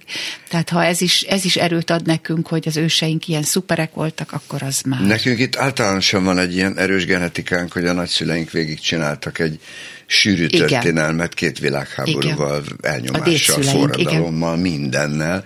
A nagyszüleink is, ugye, négyszüleink is, és biztos, hogy ennek az emlékét vagy a felvértezettséget mi hordozzuk magunkban, ebből kifolyólag, meg a terheket is, de ez nagyon izgalmas, hogy a, az ember, amikor felfedezi egy családfakutatónak köszönhetően, hogy az ősei közt van egy klassz kiállású, nemes, vagy éppen nemes cselekedetű ember, akkor elkezd egy kicsit másképp viselkedni. Hát igen, vagy ha egy csodálatos, például egy csodálatos író, akiből ma már ugye, ugye Morice mesétől hallottunk, de hát itt van velünk Vészics Andrea is, aki, tehát hogy én irigykedve nézem, akinek van ilyen őse, mert azért az valami felemelő lehet, főleg így, hogy, hogy, hogy Móra Ferenc a, a gyerekkorom meghatározója az írásaival. Tehát ha valamire emlékszem az általános iskolából, a, a novellákból, akkor azok az ő írásai, az egészen biztos. Nekem az a konkrét emlékem van, hogy amikor az Ének a buzamező című könyvet elolvastam, akkor teljesen pontosan azt éreztem, hogy miért nem voltam jóban én ezzel az emberrel, aki írta. Hogy olyan, hát akkor... olyan mint, hogyha, mint hogyha a barátom lenne, mikor már elolvastam a könyvet. Hát akkor itt van neked, Vészics Andrea. Köszöntjük a stúdióban szeretettel. Szia, Andi! Sok szeretettel köszöntelek benneteket, és sok szeretettel köszöntöm a hallgatókat is. Köszönöm szépen, hogy meghívtatok. Amikor ö, kicsi gyerek voltál, ugye akkor, tehát, akkor még nem tudom, hogy most az általános iskolai tankönyvekben mennyi móra van, de te akkor már tudtál a, az őseidről, az ősödről, vagy, vagy egyszer csak úgy, úgy ott találtad magad, hogy jaj, de jó az általános iskolás könyvben az én nagypapa? Dédapám. Déd, déd nagypapát déd olvasod. Én mindig tudtam róla, mert én, én a dédapám mesén nőttem fel, tehát nekem pici koromtól kezdve rengeteget olvasott a család, és mindig a dédapámnak a meséit olvasták fel, ezért ez én számomra az, hogy író volt, az teljesen természetes volt, sőt, egészen élőnek érzékeltem őt, akkor tanultam meg azt, hogy ha az ember ír, akkor a halála után is életben maradhat, mert ah. ugyanolyan élő tagja volt a családomnak, mint a nagyszüleim vagy a szüleim, akikkel együtt éltünk. Tehát nekem ez egy teljesen jó élmény volt, hogy, hogy a többiek is olvasták Múrát, de ugyanakkor egy természetes dolog. Tehát az, hogy az embernek a felmenője az egy író és gyönyörű történeteket ír, ez nekem természetes volt, azon csodálkoztam, hogy nincs mindenkinek ilyen. És ilyenkor mondtad, hogy ő, ő az én kicsi gyerekként mondtad? Nem, hogy nem, nem, nem, nem, nem, azt nem szerettem, mert nem Szerény szerettem ezzel voltál. büszkélkedni, és ma is azt gondolom, hogy ez inkább egy ajándék, tehát, hogy én ettől ö, nem lettem több, én erre nem lehetek büszkén, csak örülhetek neki, hogy ez így van, és hogy, hogy kaptam tőle mindenfélét, és hogy ezt vihetem tovább. De akkor uh-huh. aktív részese volt a dédapád története, meg az ő írásai a gyerekkorodnak. Igen, igen, teljesen. Ez abszolút meghatározó. Nagyon volt. meghatározó volt, ott voltak a tárgyai is, és a történetei, és ez engem, engem nagyon nagy mértékben meghatározott, hogy tényleg azt gondoltam, hogy az írás varázslatos dolog, mert legyőzi a halált.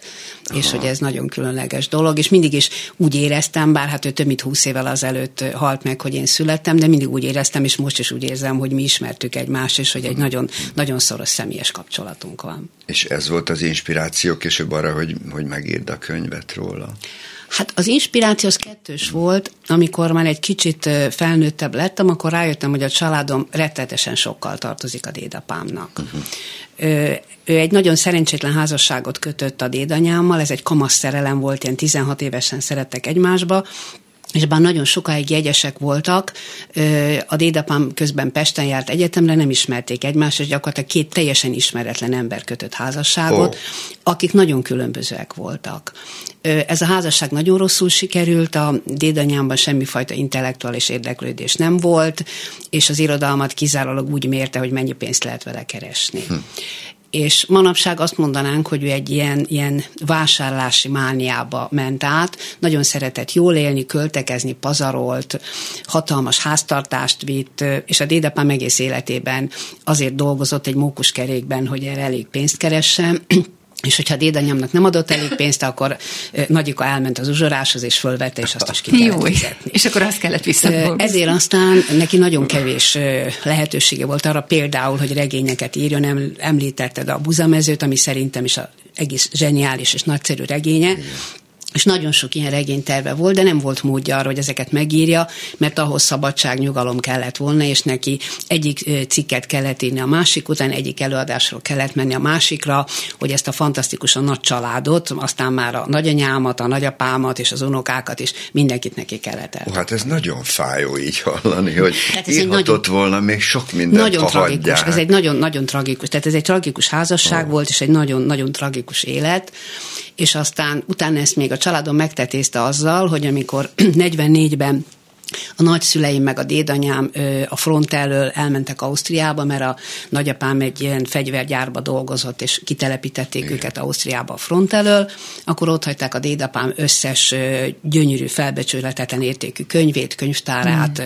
az összes kéziratát, és elmentek, és a szomszédok elbeszélése ja. szerint az orosz katonák térdig jártak a dédapám kézirataiba, az értékes könyvébe semmi nem maradt meg belőle, ezért van az, hogy Móra Ferencnek egyetlen kézirata maradt fenn, a Hannibal feltámasztása kézirata, és az is csak azért, mert a dédapám barátja Rose Rezső vette magához ezt a kéziratot, aki egy olyan fantasztikus ember volt, hogy amikor 44-ben mentek érte a nyilasok, akkor nem csak a saját életét mentette, hanem zsebre tette az én dédapám, még akkor meg nem jelent kéziratát, és azt vitte magával végig a menekülésbe. És ezért Hannibal kézirat az csodával határos módon megmaradt. Persze csak azért, hogy aztán a kommunista időkben megcenzúrázzák, de még ezt a cenzúrát is túlélte, és aztán így teljesen csodával határos módon találtam én meg 2004-ben, és akkor jelent meg először a dédapám halála után több mint 70 évvel a Hannibal feltámasztása, úgy, ahogy ő megírta. Jaj, de remek, hát akkor ez egy És szép ezért mentés. érezted, hogy, hogy, hogy akkor neked kell valahogy kárpotolni őt. Igen, én mindig úgy éreztem, hogy, hogy valahogy az az én örökségem, hogy, hogy ezt a rengeteg mindent, amit a család kapott, ezt valahogy, valahogy visszaadjam neki.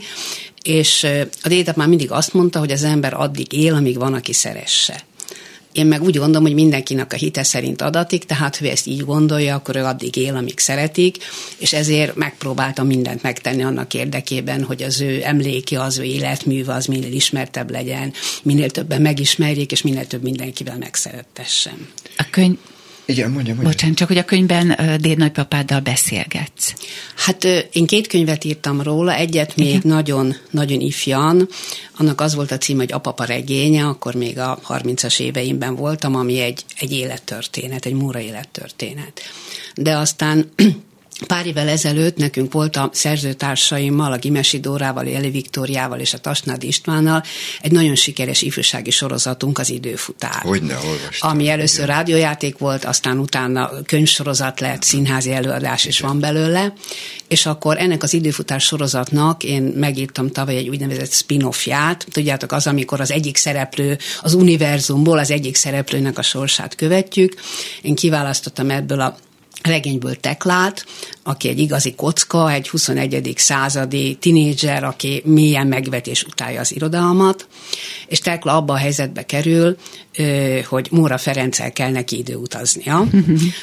Egyiküknek sem önszántából, és így hárman vágnak neki az időnek, Schrödingerrel, a vörös macskával, és először eljutnak 1728-ba, amikor kisján megégetik őket boszorkányságért, mert akkor vannak a nagy szegedi boszorkányperek, és csak Móra mesélő képessége az, hogy akkor írja az aranykoporsot, illetve Teklának a fantasztikus találékonysága menti meg őket, majd utána eljutnak, ö, haza akarnak jutni, de nem sikerül nekik, és akkor a szocializmus, szocializmusba jutnak, 1973-ba, ahonnan ugyanúgy menekülniük kell, mert Móra Ferencet Móra imitátornak és kézirathamisítónak tartják, és nagy mindenféle kalandok árán ö, jutnak vissza tulajdonképp. Aztán a mába, és mindenféle csavarok vannak ebben a történetben, és ennek az volt a célja, hogy, hogy azzal a generációval, aki már sokkal kevesebbet tanult Móráról, megismertessem és megszerettessem Mórát, és azt gondolom, hogy talán sikerült is, mert sok olyan visszajelzést kaptam, hogy, hogy nagyon szerethető Móra, egyáltalán nem idealizálom, hanem megpróbáltam őt olyannak ábrázolni, amilyen amilyen valójában volt, és, és azt gondolom, hogy, hogy ezt a, ezt a Boszorkány-szigetet, ez a cím, hogy Boszorkány-sziget 2873, ezt ő is örömmel olvasná, és, és egy olyan, olyan arcképe, ami, ami szerintem nagyon, nagyon hasonlít amilyen, ahhoz, amilyen ő valójában volt. És folytattál erre aztán komolyabb kutatásokat is a Móra Ferenc életéről? Igen, igen, igen. Hát én gyakorlatilag mindent, mindent felkutattam, tehát uh-huh. nem csak az összes művét ismerem, hanem mindent, amit róla írtak, uh-huh. azokat mind megismertem és mind rendszereztem. Nagyon sokszor szoktam menni iskolákba, különböző kultúrházakba, ahova meghívnak, és aztán egy nagyon megtisztelő felkérésem volt pár éve. Ugye a dédapám a Szegedi Múra Ferenc Múzeumnak volt az igazgatója a 20-as, 30-as években, és amikor a múzeumot felújították, akkor felajánlották nekem, hogy készítsek egy állandó Múra kiállítást. És akkor ez a kiállítás elkészült, ez Zöldizé Gergelyel, aki egy egészen kitűnő látványtervező, együtt készítettük ezt a kiállítást. Igen, most színházban csinált nekem Igen, Gergely fantasztikus, és nagyon, nagyon hálás vagyok neki, mert, mert nagyon szépen kapcsolódott ehhez a történethez, és ugyanolyan, érzelmileg ugyanolyan fontos lett Gergőnek, mint nekem. És ennek a kiállításnak az a cím, hogy Múra rengeteg és én arra gondoltam, hogy, hogy milyen kiállítást szeretne a dédapám, aki ugye egészen újszerű és érdekes kiállításokat csinált annak idején a múzeumban, erről híres volt, hogy ki lehetett olvasni a múzeumát, nagyon, nagyon plastikusan és érdekesen ábrázolt mindent a múzeumban. És akkor arra gondoltam, hogy biztos nem örülne annak, hogy csak egy ilyen emlékkiállítást csinálnánk neki, és, és úgy töprengtem, és arra jutottam, hogy, hogy biztosan szeretné, hogyha olyasmi lenne, ami a mai emberéhez nagyon élesen és erősen szól és hasznos, és miután a dédapám már a 20. század elején is környezetvédő volt és zöld, amikor szerintem mm. ezeket a szavakat még nem is ismerték, ezért tulajdonképpen ennek a kiáltásnak az a cím, hogy a zöld móra, és ez arról szól, hogy, hogy hogyan kell vigyáznunk a természetre, hogyan kell vigyáznunk a környezetünkre, mert a dédapám úgy gondolt, hogy az embernek minden baj abból származik, hogyha elszakad a természettől, holott minden idegszálunk hozzá köt. És az a probléma, hogy ha, ha nem ismerjük fel azt, hogy a növény is az állat az, ami testvérünk, és nem értjük meg azt, hogy ugyanúgy szenved és fár, fárad az életért, mint mi, és úgy gondolta, hogy akinek ezen sarkalik az etikája, az soha nem rombol, az soha nem bántja az embereket, az soha nem okoz semmiféle pusztítást. És ez az a gondolat, amire, amire ezt a kiállítást felfűztem, és végül is a természethez való viszonyt, a természet fontosságát, azt, hogy a természet részei vagyunk, ezt járja körül a kiállítás úgy, hogy megismerhetjük Mórának az életét, a műveit, a gondolatait, és ez egy interaktív, tehát egy nagyon interaktív kiállítás, ebben is nagyon nagy szerepe volt a Zöldi Gergőnek, hogy tényleg rendkívül interaktív, érdekes, játékos, tehát ugyanakkor nem ö, próbálja senkire se rászuszakolni ezeket a dolgokat, hanem lehetőséget ad arra, hogy játszanak, próbálkozzanak. Tehát ez gyerekek is nagyon szerették, de a felnőtteknek is. Ez nagyon. egy friss dolog akkor? Hát ez ö, két éves dolog. És hol látjuk? Dolog. Ez a Szegeden a Móra Ferenc Móra Múzeumban, Ferenc ez egy állandó kiállítása a múzeumnak. Az én nagyszerű tanárom Isten nyugosztalja, dr. Jerebott az erdészeti iskolában mutatta nekem először ezt konkrétan, hogy a Móra Ferenc milyen pontos szakértelemmel ír a növényekről. Akkor ő ezek szerint egy lelkes természetbúvár is volt. Az az érdekes, ezt nem nagyon tudják róla, hogy természetrajz, földrajz szakra ment az egyetemre, tehát nem irodalom szakot végzett, hanem Aha. természetrajz, földrajz szakot. Már akkor is nagyon érdekelte a természet, és még az egyetemen a Mágócsi Díc professzor ott is akarta maga mellett tartani tanár tanársegédnek, de az olyan kevés pénz volt már akkor is, Igen. hogy ezt nem vállalta, és akkor először elment tanárnak, és aztán miután tanárként nem boldogult, akkor ö, került újságírónak Szegedre. Ah, de ő nagyon-nagyon sokat tudott a növényekről, Bizony. ráadásul egy, egy polihisztor volt, mert nagyon ö, pontos, szinte fotografikus memóriája volt, tehát hihetetlen nagy tudás volt benne, és ismert az összes növényeket, ö, a fákat, és nagyon érdekes módon már a 1900-as évek elején fellépett az ellen, hogy Szegeden kivágjanak fákat, mert a város vezetése úgy gondolta, hogy falusias, hogyha egy városban fák vannak, akkor is hülyék voltak, és, és a dédapám kiállt mellett, hogy nem, nem lehet a fákat kivágni, és tehát akkor is, akkor is maximálisan védte a természetet, vagy védte a Boszorkány szigetet, ahol ugyanilyen pusztításokat vittek véghez. Andi, hogy te dramaturg és író lettél, azt már kicsit gyerekkorodban pont Móra Ferenc miatt eldöntötted, vagy a sors e felé terelt? Hát én mindig írtam, egész kiskoromtól kezdve grafumán voltam, és nagyon, nagyon sokat írtam. Mindig is nagyon vonzott az irodalom, meg a film és a színház, de azért tettem egy, egy kerülő utat, mert én az egyetemen pszichológiát végeztem, tehát én valójában pszichológus vagyok és azt hiszem, hogy megmaradtam volna talán a pszichológiai pályán is, hogyha amikor én végeztem, akkor a pszichológia nem lett volna még egy burzsó áltudomány, és meg lett volna a lehetőségem arra, ami ma megvan a pszichológus kollégáknak, hogy betegekkel foglalkozhassak, terápiákat csinálhassak, akkor ez biztosan megmaradtam volna, de, de hát akkoriban a pszichológus egy másod-harmadrendű állampolgár volt a kórházakban is, én dolgoztam a Lipóton elég hosszú ideig, és aztán utána kaptam egy lehetőséget arra, hogy a filmgyárba menjek gyakornoknak, és akkor így elhagytam a pszichológusi pályát, bár azt gondolom, hogy, hogy mind dramaturg eléggé jól tudtam hasznosítani mindazt, amit pszichológusként megtanultam. Kihez kerültél akkor ott? Az Objektív Filmstúdióba kezdtem, Marx József volt a Marx József. stúdióvezető akkor, és az első film a Kósa Feri mérkőzés című filmje ah, volt, amiben dolgoztam. A történelem előtti idők, ez 1980-ban volt, és még arra is emlékszem, hogy hát ugye a Kósa Feri nagyon ellenzéki volt, alig akarták engedni a film, hogy a küldetés miatt rengeteg nehézsége volt, és aztán valahogy engedélyezték ezt a filmet, de ezt is megcenzúrázták. A Balcó film, hát, van. A Balcó film, ez, ez négy évvel volt később, és akkor ezt a filmet is megcenzúrázták, kijött a filmfőigazgatóság, és emlékszem rá, az volt az első ilyen élményem, hogy ki kellett vágni egy passzust a filmből, amiben a sasok röptéről értekeztek, szegény Besenyé Feri, mert hogy akkor azt mondták, hogy ez rendkívül áthallásos. Nagyon, nagyon vicces volt, de, de így éltünk akkoriban, hogy a sasok röptéről nem lehetett.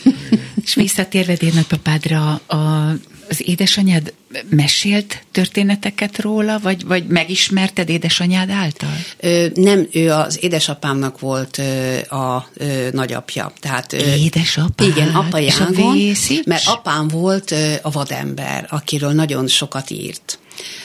Á, és a én vé... azt hittem, bocsánat, a Vészics miatt, hogy Igen, mert úgy, volt, mert úgy volt, hogy Móra Ferencnek volt egy lánya, Móra Panka, a nagyanyám, és a nagyanyám ment hozzá Vészics Endréhez, a nagyapámhoz, és akkor így, így lettünk mi már Vészicsek, apám két gyerek volt, két unoka, apám és a nagynéném Mötyő, és hmm. akkor a Dédapám nagyon sokat, sokat írt apámról, aki, aki rengeteg történetet mesélt, bár csak kilenc éves volt, amikor a nagypapája meghalt, de egy nagyon szoros és erős kapcsolat volt közöttük, egy nagyon szoros szeretett kapcsolat. Tulajdonképp apám egész életében arra vágyott, hogy végig egyszer valaki annyira szeresse őt, mint a nagypapája, mm. és ezt soha nem kapta meg, mert egy ilyen, ilyen teljesen elfogadó és feltétel nélküli szeretet, az azt gondolom, hogy szinte csak nagy szülő és gyerek, vagy maximum szülő és gyerek között létezik. De ez egy nagyon erős kötelék volt köztünk. Tehát, hogyha Móra Ferenc nem is tudott szegény így kiteljesedni, mint megtudtuk. Hát Azért nagyon... mindenképpen őrzi a, a főleg rajtad keresztül, de a családján keresztül őrzik az ő emlékét, és elég szépen, úgy látom. Igen, szóval ez nagyon, nagyon fontos.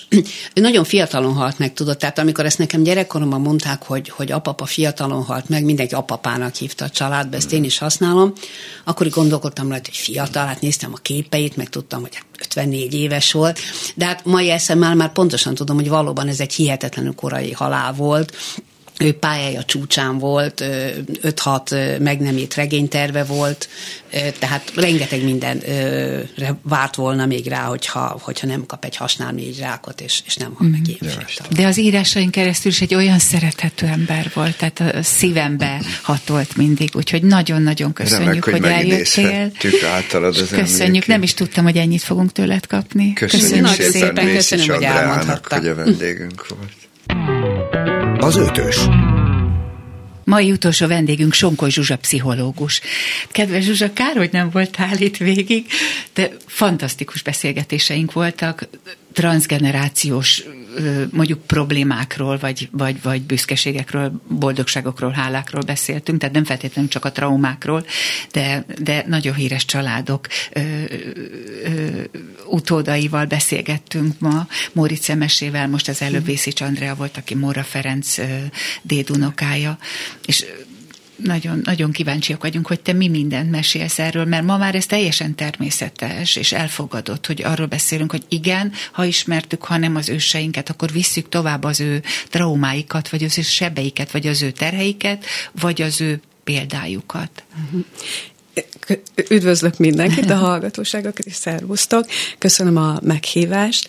Mielőtt elkezdenék beszélni így veletek a transgenerációról, az első nagyon fontos gondolat szerintem, meg az első ilyen lépcső, amivel mindannyian találkozunk, azok a gyökerek. És gondolom pont ilyenekről beszélgettetek, mert hogy minden napunkat átszövik a lelki gyökereink. Az, hogy kik vagyunk, honnan jöttünk, milyen emlékeink vannak, és ugye nagyon sokszor a, a, a családot egy faként is el tudjuk képzelni, meg nagyon sok ilyen szimbólum van, meg erről is beszélünk, hogy a családfa, meg a családfa kutatás, és ha egy fát elképzelünk magunk elé, akkor mennyi mennyi gyökere van, és mennyire szerte ágazó. És a különböző élményeink mind-mind-mind egy-egy ilyen gyökerek. Lehet, hogy a születésünktől kezdve, amikor elindulunk, akkor az első ilyen nagy gyökér, ez egyre inkább vastagszik, a különböző szülők által, a nagyszülők által megélt élmények kapcsán, és utána, hogy növünk, akár óvodások, iskolások vagyunk, vagy elmegyünk dolgozni, bármilyen emberi kapcsolat tudja ezt erősíteni, ezeket a gyökereket, meg rengeteg élmény, akár pozitív, vagy kevésbé pozitív élmény, adott esetben traumák, és ezért fontos az szerintem, hogy a mindennapjaink része legyen legyen az, hogy tudjuk, hogy mi honnan származunk, kik vagyunk, kik voltak az őseink, milyen élethelyzetekben voltak, hogy küzdöttek meg vele. Mert hogy nem csak a traumánkat tudjuk örökölni, és visszük tovább a lelkünkbe, meg az, az emlékeinkbe, hanem, hanem azt gondolom, hogy a pozitív dolgokat is, a megküzdéseket. A küzdés képességét, igen. Igen, igen. És nagyon sokszor a traumákról beszélgetünk, de én hiszek abba, hogy a, a lelkünk, a sejtjeink nem csak a nehézségeket tudják kódolni, mert nem az emlékek maradnak fent hogyha nem ismertük a nagyszüleinket, vagy a dédszüleinket, nem ismertük a, tőlük a történeteiket, hogy ők miket éltek meg, mégis különböző lelk, lá, láthatatlan szálakon belénk ivódik, és a, a lelkünk részévé válik. De nagyon sokszor a pozitív dolgokról meg nem beszélünk, és nem említjük meg, hogy ők mit tettek meg, milyen élményeik voltak, mennyire akár bátrak voltak, vagy megoldottak helyzeteket, vagy kitartottak egymás mellett, de én hiszem az, hogy az is ugyanúgy kódolódik bennünk a lelkünkben. Ma már bebizonyosodott, kutatások igazolták, hogy örökölhető sok minden, amit a mi életünkben szereztünk. Illetve az apánk vagy anyánk szerzett az életében. Sajnos mondjuk az alkoholizmusnak is van örökölhető génje, de ugyanígy örökölhető az, hogyha valaki írtó jól kifejleszt magában mondjuk egy matematikai készséget, a génjeiben átviszi a gyerekére. Nem tudom, ismered esetleg a Vollében könyveket, a uh-huh. világ leghíresebb erdészető, hogy a fák titkos életéről ír. Uh-huh. Ők már bebizonyították, hogy a növények ebben gyorsabbak. Minden egyes generáció, aki magról szaporítva, tovább örökíti a szárazságtűrő képességet, a károsítókkal való ellenállást, emlékeket visz át az utódaiba. Akkor ez velünk emberekkel nagyon erősen így van. Nagyon ugye? így van. Minden, minden ilyen érzelmi megélésnek lenyomatai születnek. Megszületésünktől uh-huh. kezdve, vagy akár a, a, a magzati kortól kezdve, és akár a nagyszüleink, vagy a előző generáció kapcsán. Ugyanúgy ott vannak a, a, a, a lenyomatok, és nagyon sokszor ugye nem tudjuk, hogy azok az érzések, amik feltörnek bennünk, azok a saját érzéseink, a saját szorongásunk, a saját félelmünk. Vagy hoztuk. Vagy, vagy valahonnan hoztuk. Igen.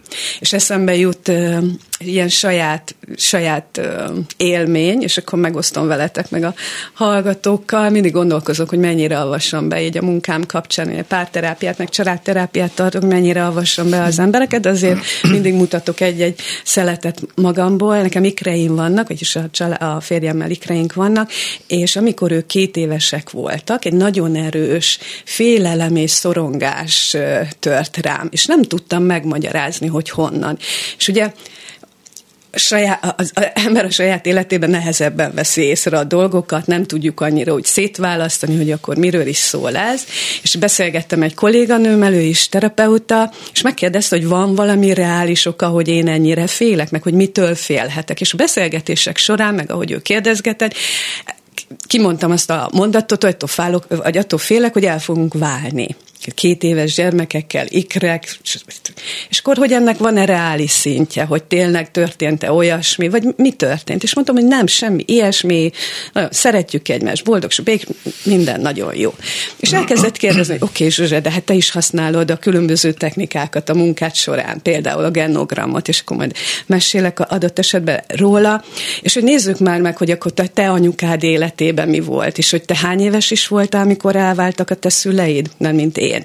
Uh-huh. Hát mondtam, hogy két éves voltam. Ah. Aha. És akkor a nagyszüleidnél, bár úgy abban az időben nem volt válasz. Hát mondom, a nagymamám pont akkor vált el, amikor bejött a törvény is abban az évbe, addig ugye nem lehetett. És megkérdezi, hogy hány éves volt az én anyukám? És mondom, úristen, ő is két éves volt. És onnantól kezdve ugye lehetett látni hogy a női mintázatot, hogy a nagymamámnál akkor történt a vállás, az édesanyámnál is akkor, és hogy valahogy vittem tovább a lelkembe, és ismertem persze a történetet, de mégis valahogy a, a, a hirtelen, amikor az én gyerem, gyermekeim két évesek lettek, akkor, akkor nagyon erősen jött ez a félelem. De ezt te konkrétan hallottad? Így? Igen. És mi van akkor, hogyha, mert nyilván, mert az a, számomra az az izgalmas, hogy valaki érzi, hogy valami nem stimmel, és a gyógyítás vagy a terápia uh-huh. során derül ki, hogy hoppá, igen, és hogyha egy fűszerezhetem egy picit a dolgot, ugye mi van azokkal a gyermekekkel, akik mondjuk örökbefogadott gyermekek. Ugye ők még jobban nem tudják mondjuk adott esetben az eredeti családjuk történetét és a, és a nehézségeket, vagy a jó dolgokat. De visszatérve a te kérdésedre, vannak azért olyan technikák, ilyen a genogram, az olyan, mint egy ilyen térkép a lelkünkhöz, vagy a családunkhoz. Különböző jelölésekkel meg fel lehet rajzolni a családfánkat, és meg lehet jelölni rajta helyzeteket, hogy elváltak-e a szülők, vagy nem, történt-e vesztesség a családban, vannak-e olyan függőségek, ami, ami, ami végig ível, akár generációkon át, akár az alkohol, vagy bármilyen más függőség, vagy itt vannak a különböző háborúk, vagy nehézségek, vagy betelepítések, vagy elköltözések, meg országok elhagyása, meg lehet jelölni az érzelmi viszonyokat, hogy konfliktusos volt egy kapcsolat, egy párkapcsolat, vagy egy szülőgyermek kapcsolat, vagy nem. Megszakították-e a kapcsolatot, és mondjuk évek után nem beszéltek már egymással.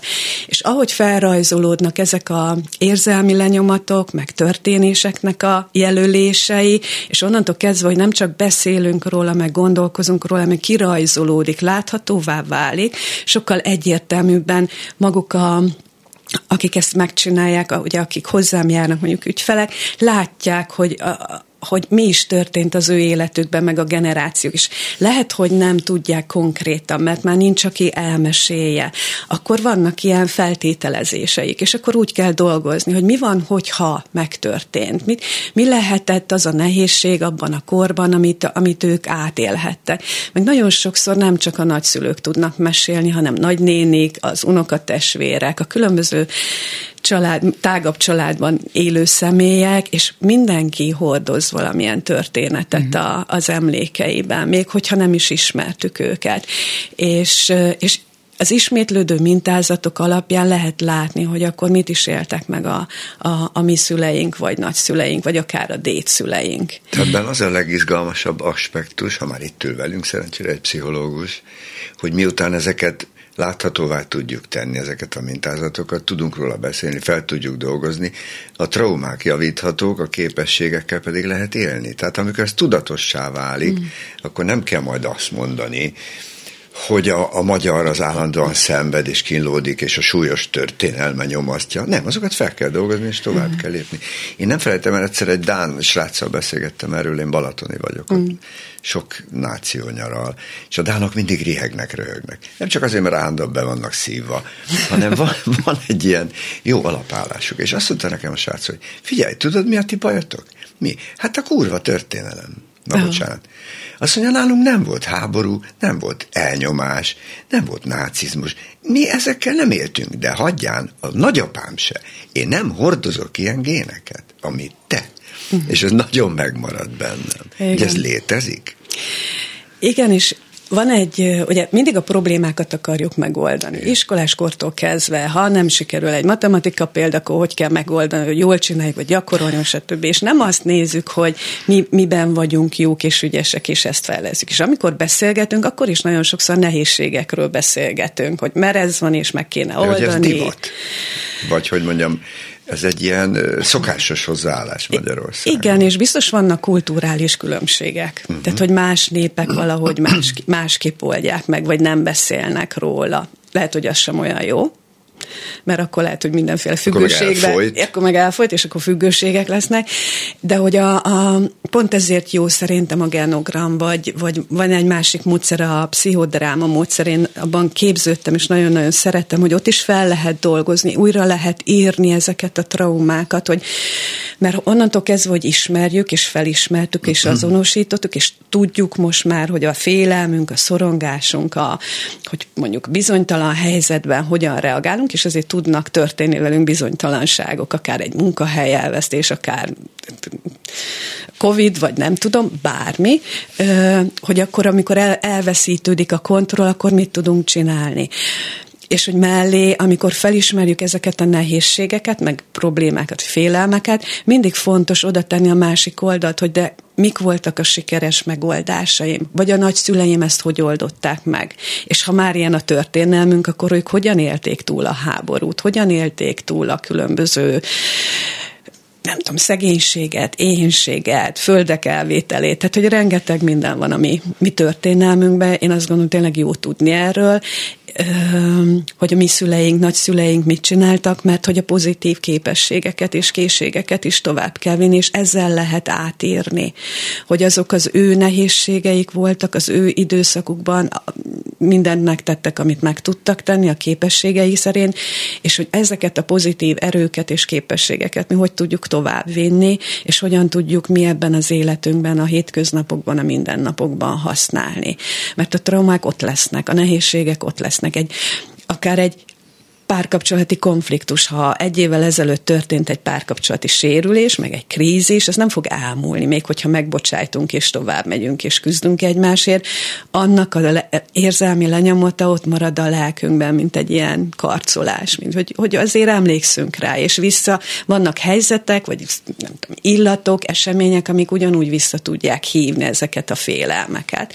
De mindig nagyon fontos tudatosítani, amit te is mondtál, párosítani, hogy mi, hogyan tudtunk ezzel megküzdeni? Mi, mi volt a kapaszkodó, a belső hitünk, az önbecsülésünk? Mert erről is olyan ritkán beszélünk, vagy tesszük oda amellé, hogy, hogy, hogy a traumák, vagy a nehézségek, a generációs mintázatokban mennyi minden erő is van, ami megtartja hogy, a családokat. Hát, hogy büszkék és... lehetünk rá, hogy abban a rettenet időszakban a nagyszüleink a háborúk után az elnyomásból hogyan tudtak Igen. a szegénységből, a, a borzalmakból kimászni. Igen.